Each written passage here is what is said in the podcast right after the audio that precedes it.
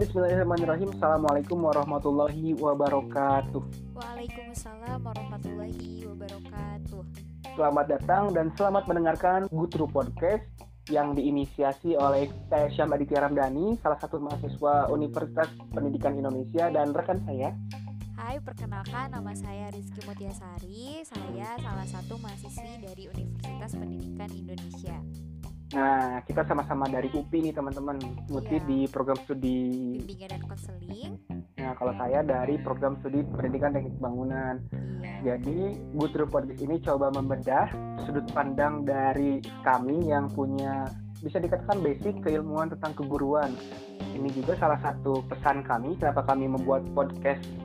Edisi spesial tentang apa nih, Sam? Jadi podcast ini direkam di bulan Agustus dan hal itulah yang menjadi kami menginisiasi bahwa nampaknya salah satu kontribusi kami dalam mengisi kemerdekaan di masa pandemi ini bisa dengan hal-hal yang bersifat edukatif kepada masyarakat umum. Iya. Kalau dirasakan hampir 5-6 bulan mungkin ya Mut, Iya, pandemi ini berlangsung. kita ya Hampir ada di rumah. Tapi gimana nih kabar Muti sendiri karena walaupun kita sama-sama di UPI, kita sama-sama kenal karena Satu Kita satu SMA. SMA. dan Iya. emang kita satu kelas dulunya dan seru nih kita sama-sama dari dunia pendidikan. Kita mau coba ngasih point of view yang beda. Salah satunya juga kontribusi kita di terhadap kemerdekaan, terhadap Indonesia lewat penyebaran pesan-pesan positif melalui podcast ini ya Mut. Iya betul sekali. Mungkin nanti di episode episode episode selanjutnya kita juga mungkin akan bercerita sedikit kenapa kita memilih kuliah di UPI gitu ya. Terus kenapa kita memilih prodi BK terus Sam dengan eh, ilmu teknik bangunannya gitu ya, pendidikan teknik bangunannya mungkin nanti kita akan bahas juga ya lebih jadi lebih mengenalkan UPI itu ternyata banyak sekali loh prodinya teman-teman gitu. Ya, ya itu salah satu juga yang mungkin bisa kita sama-sama ceritakan di episode lain. Karena Karena ini spesial. Subuh itu saya pengen tanya dulu nih kabar Muti gimana karena terakhir kita ketemu mungkin tiga bulan yang lalu dan tidak punya banyak waktu untuk Ah, ngobrol terlalu panjang. Ya gimana nih kabarnya Mut? Hampir lima bulan pandemi mungkin ya. Yang Muti rasakan gimana? Iya, alhamdulillah ya. Kalau ditanya kabar, secara fisik alhamdulillah sehat, baik gitu ya. Eh, mungkin secara psikis gitu ya, secara psikologis. Nah, ini mudah-mudahan baik juga gitu. Karena memang banyak banget nih perubahan yang terjadi selama di rumah aja ini gitu. Nah, kalau Sam sendiri gimana nih kabarnya? Saya alhamdulillah baik dan kalau dari segi fisik nampaknya setelah mengalami dua kali lebaran bertambah juga berat badan dan eh, ya intinya dua kali lebaran ya badan juga jadi dua kali lebaran sih. Jadi kalau fisik ya bagi saya banyak PR untuk pola hidupnya bisa lebih sehat dan saya sih untuk segi tadi karena menyinggung atau masuk bidang psikis atau psikologi eh, cukup terguncang di awal namun ketika dimaknai dan kembali direnungkan banyak sekali hikmah-hikmah yang nampaknya belum pernah kita dapat atau jadi kesempatan-kesempatan yang bagus banget, yang keren banget kita dapat di masa pandemi. Nah, karena bahasan kita mau terkait edisi kemerdekaan, Iya. di edisi kemerdekaan ini dari Muti sendiri punya nggak kayak cerita-cerita atau kemerdekaan itu sering dimaknai seperti apa? Dan ya bagi saya banyak bedanya nampaknya Iya, kemerdekaan atau bulan Agustus kali ini dibanding tahun-tahun yang lalu karena di masa pandemi COVID-19 ini. Jadi dari Muti sendiri gimana? Iya, iya. Mengenai kemerdekaan, mungkin ak- saya di sini sedikit menyinggung arti dari kemerdekaan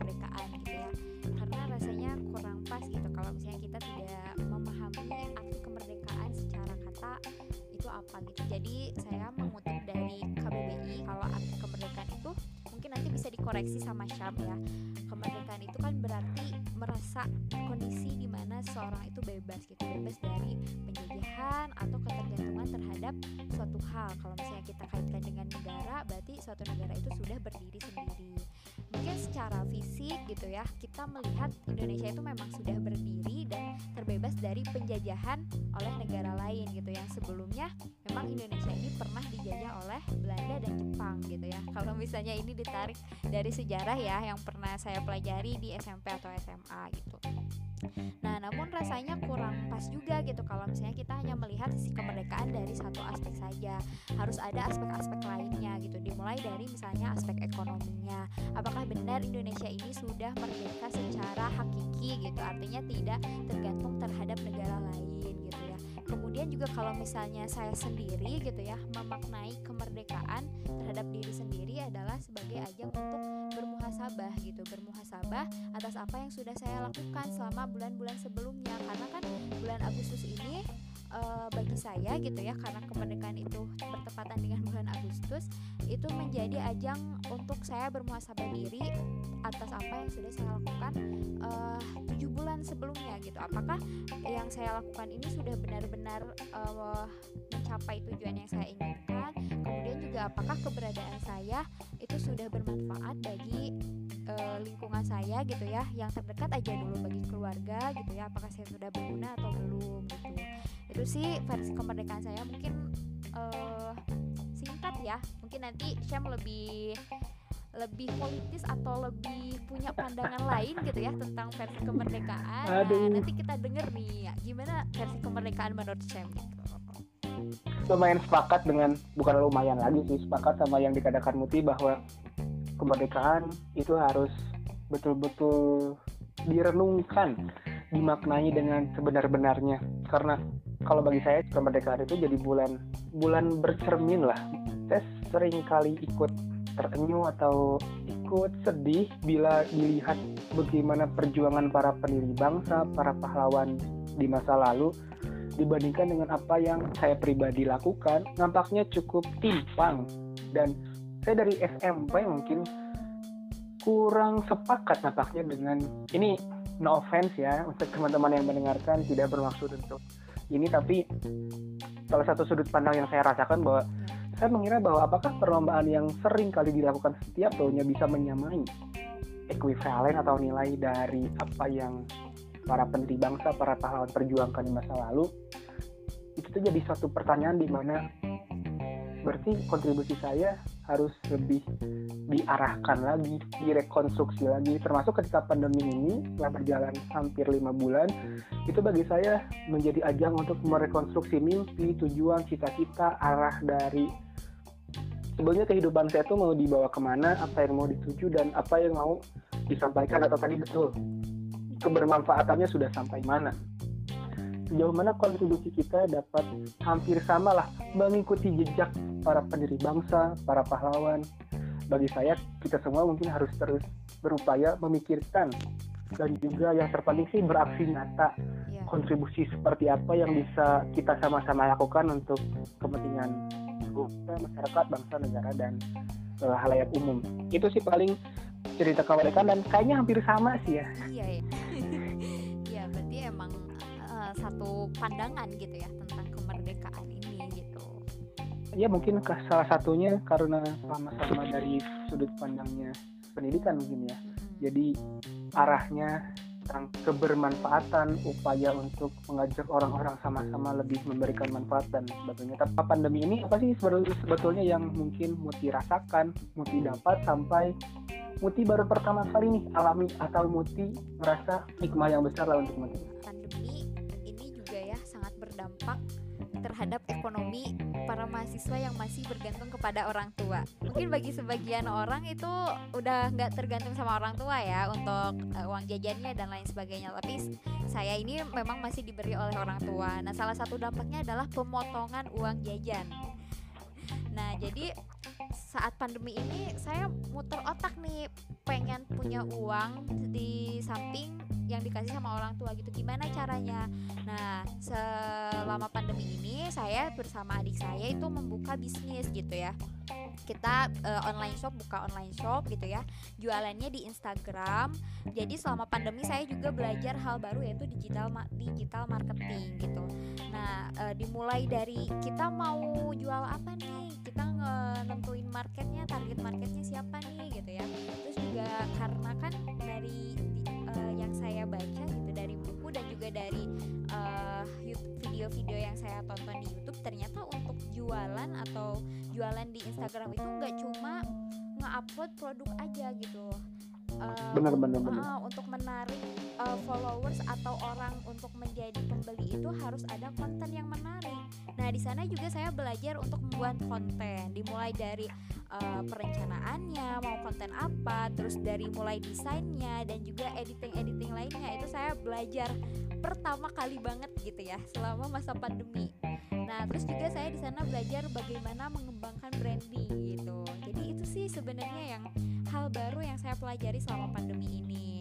Terus juga di personal Instagram saya, saya juga mulai berani untuk mereview buku gitu ya. Kalau sebelum-sebelumnya saya cuma baca buku ya udah gitu dinikmati sendiri, tapi selama pandemi saya memandang orang-orang juga kayaknya banyak menghabiskan waktu untuk membaca. Nah, saya di sana pengen memberikan saran-saran buku yang bagus nih bagi teman-teman gitu. Itu sih yang uh, saya lakukan ya, hal baru yang saya lakukan selama pandemi ini. Gitu sih, Berarti bisa dikatakan nggak jadi alasan buat males-malesan atau nggak produktif ya. Mungkin iya. tetap bisa berkarya, hmm, termasuk bisa berlatih mulai memupuk terkait kemandirian di bidang finansial iya. karena pandemi ini. Betul banget, betul. Jadi emang melatih kemandirian banget nih gimana caranya biar dapat uang gitu. Nah kalau kalau Sam sendiri gimana nih? Ada nggak sih hal baru yang dipelajari selama pandemi?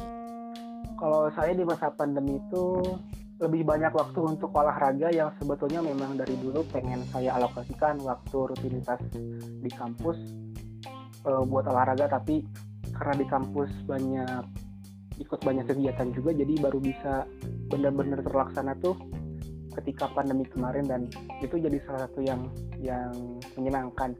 Tapi yang paling jadi kesan mungkin hikmah yang paling besar saya rasakan adalah ketika saya ikut kegiatan dari Kemendikbud dari Dirjen Kebudayaan namanya Kemah Budaya Kaum Muda di situ emang e, lomba untuk ide gagasan terkait isu kebudayaan.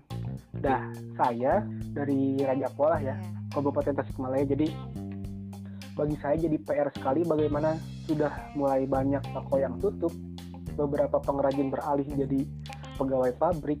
Bagaimana saya selaku generasi muda tuh mencari solusi dan kemarin salah satu kegiatan yang ada di Kemah Budaya Kaum Muda mungkin hampir sama dengan Muti dapat pelatihan terkait digital marketing, terkait UI UX design, gimana salah satu permasalahan yang ada tuh mungkin dari segi desain dan juga dari komunikasi produk. Jadi benar banget tadi tuh apa yang mau dikatakan bahwa gimana caranya kita membuat engagement, membuat para customer, follower tertarik untuk sekedar melihat dulu aja. Kalau udah melihat, udah tertarik kan bisa bisa beli uh, di tempat kita juga kan. Gitu mungkin hampir sama konsepnya. Nah, saya mulai mengembangkan website dari kerajinan Raja Polah. Saya membuat beberapa sampel produk yang secara desain, warna dan tipe disesuaikan dengan apa yang anak muda senangi. Saya kalau dilihat-lihat sih hampir sama kayak bikin skripsi. Jadi nyari responden penelitian kuantitatif ke 120 responden, nyari kualitatif ke 10 responden, menghubungi beberapa kepala desa, kepala kecamatan, juga kepala dinas perindustrian perdagangan untuk yeah. memastikan bahwa ini tuh sebetulnya mau dibawa ke mana salah satu kerajinan anyaman pandan yang ketika saya lihat di sejarah yeah. dari 1925 produk kami dari Raja Pola telah diekspor ke Perancis. Hampir sudah mau 100 tahun dan bagi saya harusnya terus berinovasi. Karena sampai sekarang pun masih ada beberapa pengrajin yang mensuplai barang-barangnya ke Jepang, ke Malaysia dan beberapa negara di Asia. Dan hal itu tuh bagi saya mereka kurang sesuai lah upah yang diterima. Terus karena diekspor di sananya bisa bisa diakui sebagai produk mereka lah dan lain sebagainya. Dan bagi saya biarkan kemandirian secara ekonomi itu dilibatkan atau melibatkan individu orang-orang di daerah iya. cukup semuanya dikelola oleh kita secara mandiri sehingga kemandirian nantinya akan mendorong kemandirian pangan, kemandirian infrastruktur, kesejahteraan. Jadi bagi saya itu potensi yang sangat besar dan kemarin cukup banyaklah pelajaran yang menjadikan bahwa permasalahan saya permasalahan kita mahasiswa bukan hanya permasalahan nilai, bukan hanya permasalahan nanti cari kerja gimana, iya. tapi banyak kalau kita mau membuka mata, membuka hati, merasakan bagaimana kesulitan yang dialami oleh uh, warga masyarakat sekitar kita mungkin hanya pemikiran dan ide kita saja bisa membantu tapi aksi nyata akan lebih berdampak pada mereka. Sehingga kalau saya sih mengajak teman-teman mungkin yang baru uh, punya ide seperti Muti tadi punya untuk buka online shop untuk belajar digital marketing dan sebagainya. Ayo mulai. Dari sekarang ayo kita rubah mimpi itu jadi visi misi. Karena tadi di awal Gutro podcast ini akan ngebahas sudut pandang dari pendidik atau guru-guru muda. Kita selaku calon-calon guru muda. Saya sendiri yakin salah satu cara berlarinya bangsa ini dari ketertinggalan dengan pendidikan, iya. dengan edukasi yang tepat ke masyarakat. Iya. Itu sih keren banget ya ternyata Syam ini memanfaatkan masa pandemi itu nggak cuma rebahan aja gitu ya tapi berkarya bahkan membantu uh, para pengrajin ya yang ada di Raja Pola untuk lebih eksis gitu kerajinan kerajinan bener, bener. lebih penting ketika ketika kita tadi di awal karena ini edisi ke, uh, kemerdekaan ya hmm. kita ngebahas cerita kemerdekaan lebih penting juga ketika kita memaknai kemerdekaan di masa pandemi itu korelasinya bagi saya jadi jadi sangat sangat tinggi.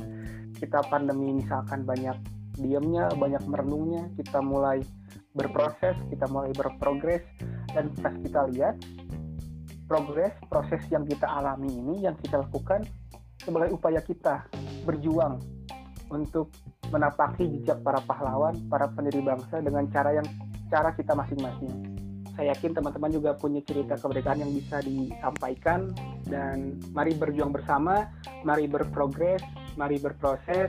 Saya Syam Aditya Ramdhani. Saya Rizky Mutiasari. Salam, Salam edukasi. edukasi.